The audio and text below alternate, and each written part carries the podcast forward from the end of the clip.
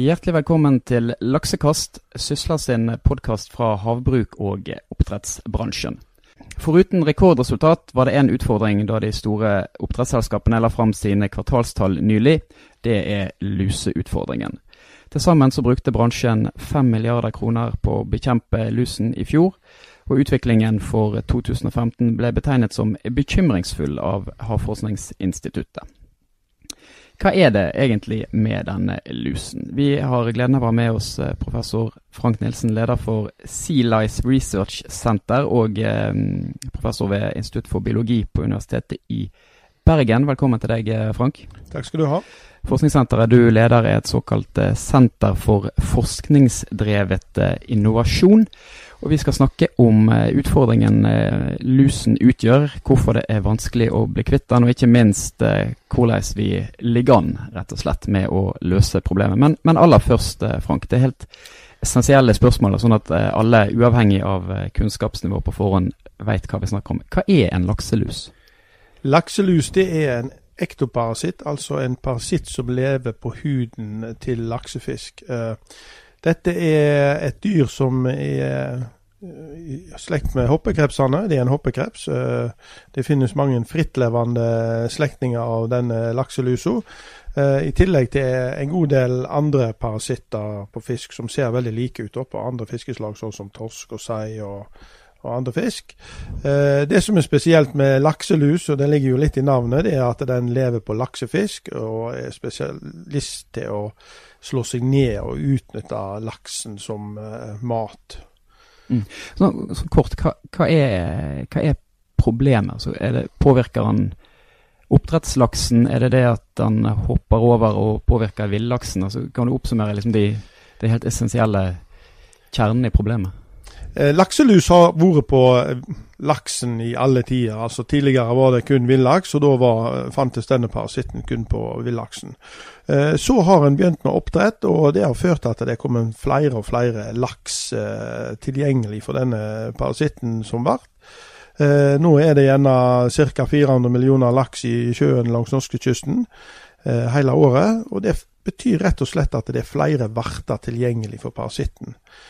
Problemet i dag er egentlig det at eh, noen av disse luselarvene som blir produsert fra oppdrettsfisken, de kan slå seg ned på villfisken.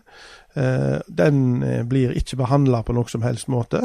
Så da er det en risiko for at eh, en kan få infeksjoner på villfisk som eh, er skadelig for denne fisken her. Det betyr at en må ha veldig strenge kontrollsystemer i eh, oppdrettsanleggene. En må ha veldig få lus per fisk. I dag er grensa at det er lov å ha en halv hunnlus per oppdrettsfisk i gjennomsnitt før en skal behandle. Eh, og Det betyr at en må bruke eh, relativt mye ressurser på å kontrollere lakselus i dag. Og En av grunnene til at det er en økende kostnad her, det er at denne lakselusa har utvikla eh, resistens, eller er motstandsdyktige, mot de fleste medisinene som en har tilgjengelig for å kontrollere lakselus. Mm. Um, er, er, det skadelig å spise laks som har hatt eh, lusproblemer, eller er det i utgangspunktet et, et, et problem for laksen i seg sjøl? Ja, dette, Det er helt ufarlig å ete laks med lakselus. I gamle tider når en fiska laks i elvene, så var det jo sett på som et kvalitetstegn at laksen hadde lus på seg. og Eh, lakselus er et krepsdyr, så det er faktisk ingen problem å faktisk ete ei lus heller. Altså, du kan ha den som snacks hvis du vil det. Altså. Så, så, det er helt ufarlig for folk, men, men, det er et problem for fisken hvis den har for mange lus på seg. Mm. Her ved senteret så jobber dere med å finne en, en vaksine. Eh, hvordan går dere fram i det arbeidet? Ja, Vi jobber bl.a. med å finne vaksine, ikke bare det. Men eh, i arbeidet med å utvikle en vaksine så så leter vi egentlig etter en akilleshæl i, i lusa sin biologi, der vi kan bruke en sånn vaksinetilnærming for å stoppe opp. Dette er ganske vanskelig å finne, disse her gode akilleshælene som er tilgjengelig eh, på en slik måte at en kan vaksinere fisken og få en beskyttelse. Eh, dette er tilnærming som har vært brukt i, eh, mot skadeinsekter og parasitter på andre dyr i mange år. Men så langt så finnes det kun én par parasittvaksine som virker mot en ektoparasitt, og det er mot kvegflått. Så eh, vi tror at det er mulig, men det er vanskelig. Dette tar tid, og du vet ikke helt hva tid du vil lykkes, om det vil ta ett år eller flere år eh, før du har noe som eh, virker. Men en, en, sånn vaksine, det vil, det vil da være en vaksine som lusen ikke kan bli resistent mot, eller kan man risikere at han utvikler en resistens mot det produktet dere eventuelt kommer opp med når det har gått en viss tid? Nå viser det seg jo det at disse parasittene, ikke bare lakselus, men alle andre sånne parasitter, er veldig flinke til å finne muligheter, hvis det er en mulighet. F.eks. til å bli resistens.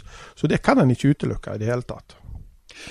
Dere, dere, har jo en del bedriftspartnere her ved senteret, bl.a. Marin Harvest og, og Lerøy og, og Evos. Og, og de selskapene bruker jo i dag eh, store penger på å bekjempe lusen. Hvordan, hvordan jobber dere sammen med, med industrien? Ja, vi har i alt fem industripartnere. I tillegg til de som du nevnte, så er Alanco med som legemiddelselskap og eh, patogenanalyse. Eh, et slikt senter som vi har, en eh, senter for forskningsdrevet innovasjon, der er det et krav at det skal være industripartnere med. De skal være med å finansiere senteret, og de skal samtidig òg bidra aktivt inn i forskningen. Så det vi har prosjekter eh, som går i senteret, vi har en, ganske mange prosjekter i senteret som eh, da noen av industripartnerne deltar aktivt i. Eh, der eh, ekspertise fra bedriftene eh, bidrar eh, i lag med oss forskere for å ja, arbeide på disse prosjektene, rett og slett. Det, det er nyttig i en slik setting. Opplever du som, som forsker en økt interesse nå som oppdrettsselskapene har store utgifter knyttet til, til luseproblematikk? Ja, De siste årene etter resistensen virkelig begynte å ta av og lus ble eh, sett i fokus igjen, så har det jo vært masse henvendelser både fra industrioppfinnere eh, og andre som eh, mener de har en eller annen løsning på problemet. Og det er klart at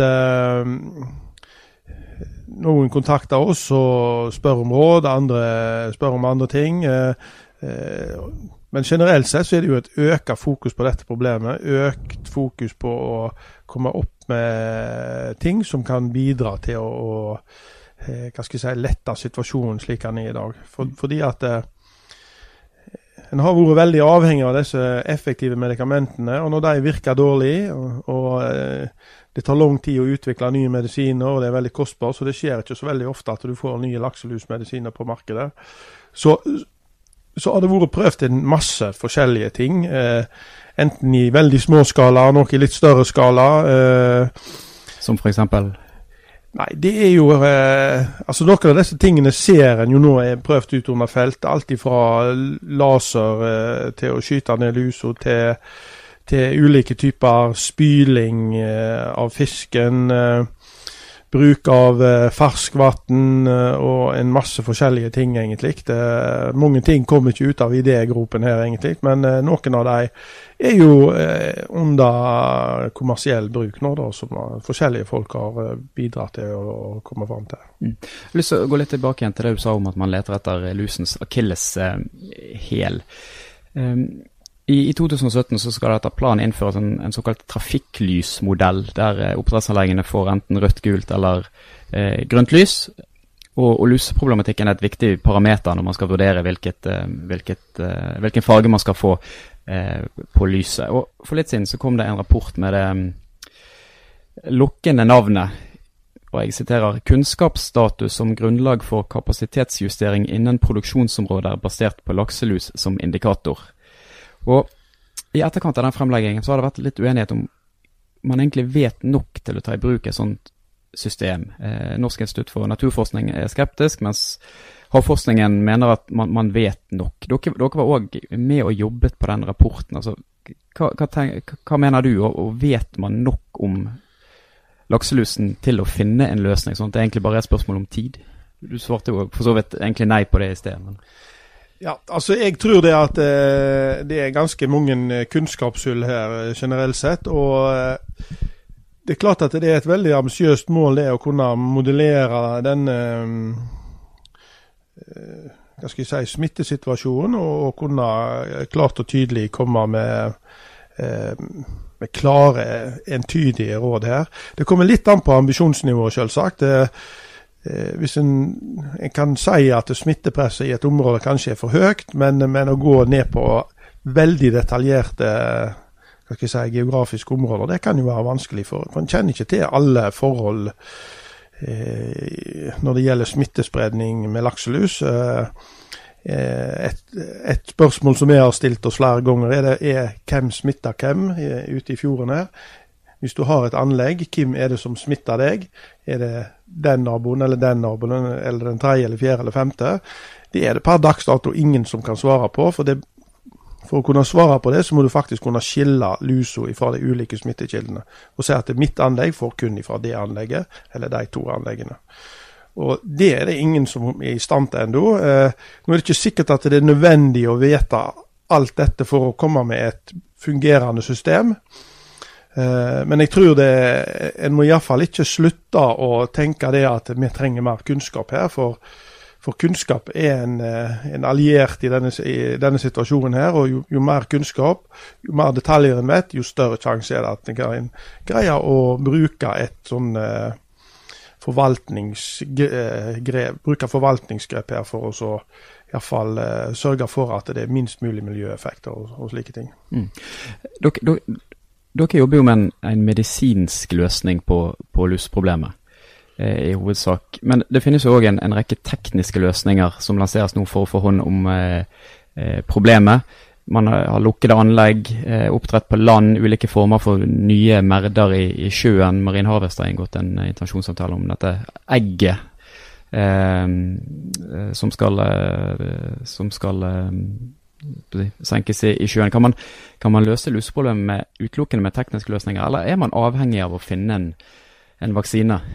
Nå må vel du gjerne rettferdiggjøre ditt eget eksistensgrunnlag, men det som, historisk, Hvis en ser litt historisk på dette, her, så har medisinene vært helt avgjørende. Eh, effektive medikamenter har vært det som en har eh, vært helt avhengig av. Det er klart at i framtida må en nok ha en mindre avhengighet mot disse medikamentene. Og eh, da vil jo tekniske løsninger være en del av løsningen her, sånn som jeg ser det. I dag er det en god del metoder som er ganske eh, krever ganske hardhendt eh, behandling av fisken.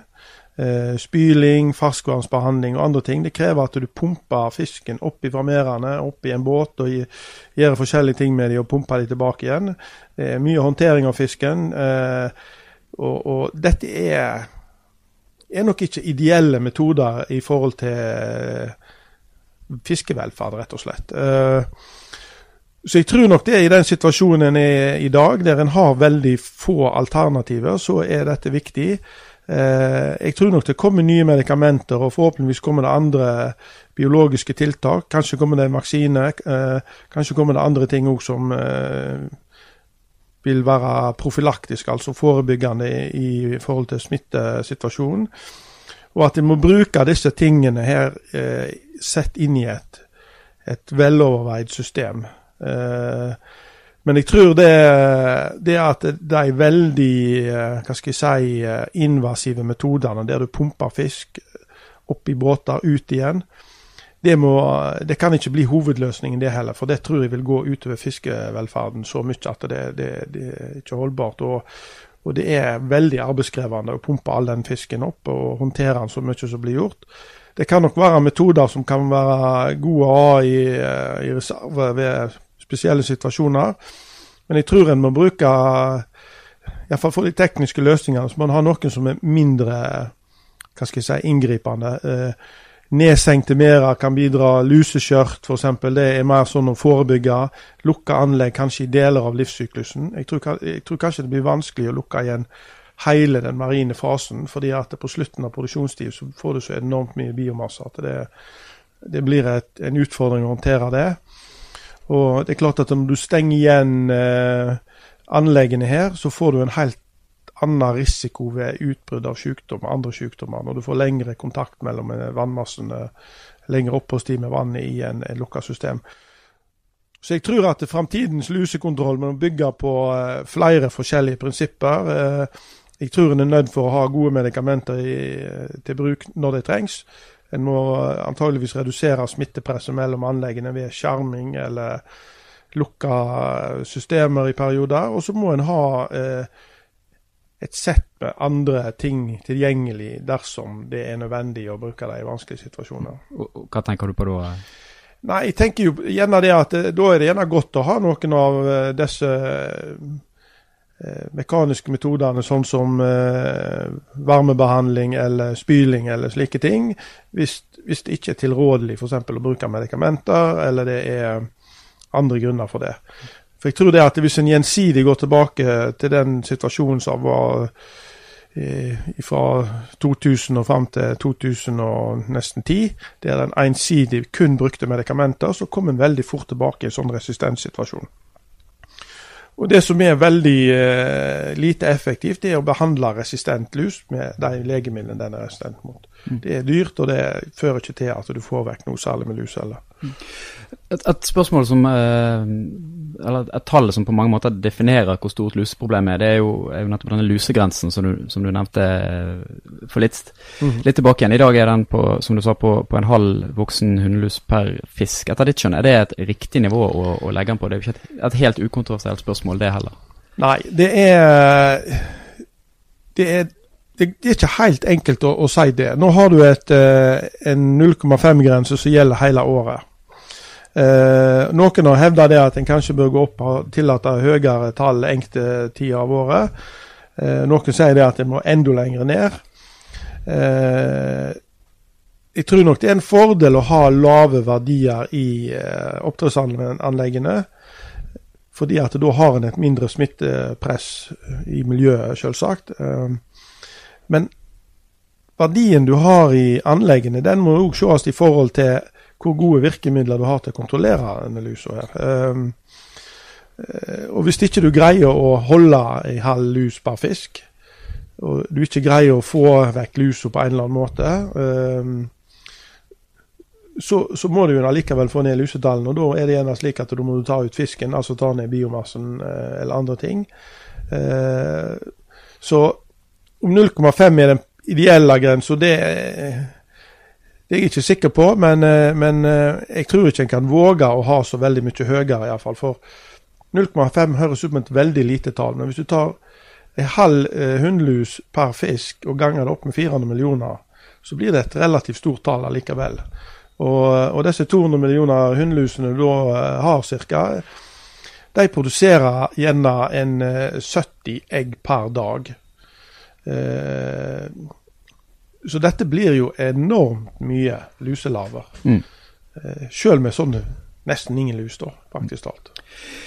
Vi skal eh, begynne å runde av. Jeg har lyst til å eh, til slutt eh, eh, stille noen spørsmål rundt, rundt eh, fremtiden for, for oppdrettsbransjen. Altså, bransjen sjøl er optimistisk på at luseutfordringen kan, kan løses. Er, er, det nødvendig at den løses for at det er forsvarlig med, med en vekst som, som svært mange av eh, bedriftene ønsker seg? Jeg tror at en må ha eh, bedre kontroll enn det en har i dag. Og eh, Hvis en ser på kostnaden med å opprettholde denne kontrollen, så har den økt veldig kraftig de siste tre-fire årene. I fjor eh, næringen at de brukte ca. 5 milliarder kroner i, i lusekontroll. Eh, og det er klart at det, hvis dette skal fortsette å stige, så, så blir det eh, vanskelig å forsvare, iallfall hvis prisene går ned. Da. Eh, nå er det jo gode priser på laksen, så de tjener jo penger likevel. Men jeg tror nok helt klart at en må ha en god kontroll på lusesituasjonen. fordi at eh, hvis en ikke har det, så risikerer en at en eh, ser høye infeksjoner på villfisken. Dette er veldig eh, dårlig reklame både for eh, oppdrettsnæringen og andre. Slik at en må prøve å unngå at dette her skjer eh, ofte. At en eh, ser eh, f.eks. sjøørret som er full i lus. Og, og, Det blir jo veldig lett slik at eh, oppdrettsnæring får skylda for alt som går galt her. og Det er ikke alltid rett, det heller. altså. De, jeg føler det at oppdrettsnæringen faktisk har tatt dette problemet veldig alvorlig de siste årene og jobba knallhardt for å kontrollere det. og jeg tror at er, jo mer en vet om lusord, eh, jo mer en vet om smittepredning, eh, kan optimalisere lokalisering av anlegg og andre ting, så tror jeg nok dette er et problem som er håndterbart. Eh, men det krever at en har en del gode, effektive virkemidler tilgjengelig for å Så du er forsiktig optimist? Ja, jeg vil jo eh, si det. altså. En kan ikke grave seg helt ned her i elendigheten. Når eh, er det lov å forvente konkrete resultater fra arbeidet dere gjør her? Er det en, en kontinuerlig prosess, eller er det et eureka-øyeblikk, og vips, så er man der? Nei, Jeg tror, eh, jeg vil jo si det at vi har allerede sett noen resultater fra arbeidet vårt. Eh, spesielt knytta til dette med, med, å påvise resistent lus. Der finnes det nå i dag kommersielle metoder basert på forskningsresultater fra senteret, der du kan ta en lus og si om den er bærer av resistensgener. Dette er klart viktig i uh, forhold til å håndtere resistenssituasjonen i dag. Uh, god, vi har generert en god del ny kunnskap om lusebiologien. Det er veldig viktig å ha med seg når en skal forvalte dette problemet, og i forhold til oppdretterne har god kunnskap om ting. Eh, det er klart at vi har jo ambisjoner om å komme med flere bidrag her. Og, eh, og det er spesielt nå i den siste halvdelen av eh, senterets levetid at vi håper vi skal få noen gode gjennombrudd som iallfall skal kunne enda tydeligere vise at dette var verdt innsatsen. Mm. Tusen takk til deg, eh, Frank. Dette var andre episode av podkasten Laksekast. Send gjerne tilbakemeldinger til redaksjonen at sysla.no. Du finner oss i iTunes og andre podkastklienter. Abonner gjerne på oss, og sjekk også ut eh, de andre podkastene vi har, bl.a. for eh, oljebransjen, fornybar energi og shipping. Søk på Sysla, og så får du opp noe for enhver smak. På gjenhør.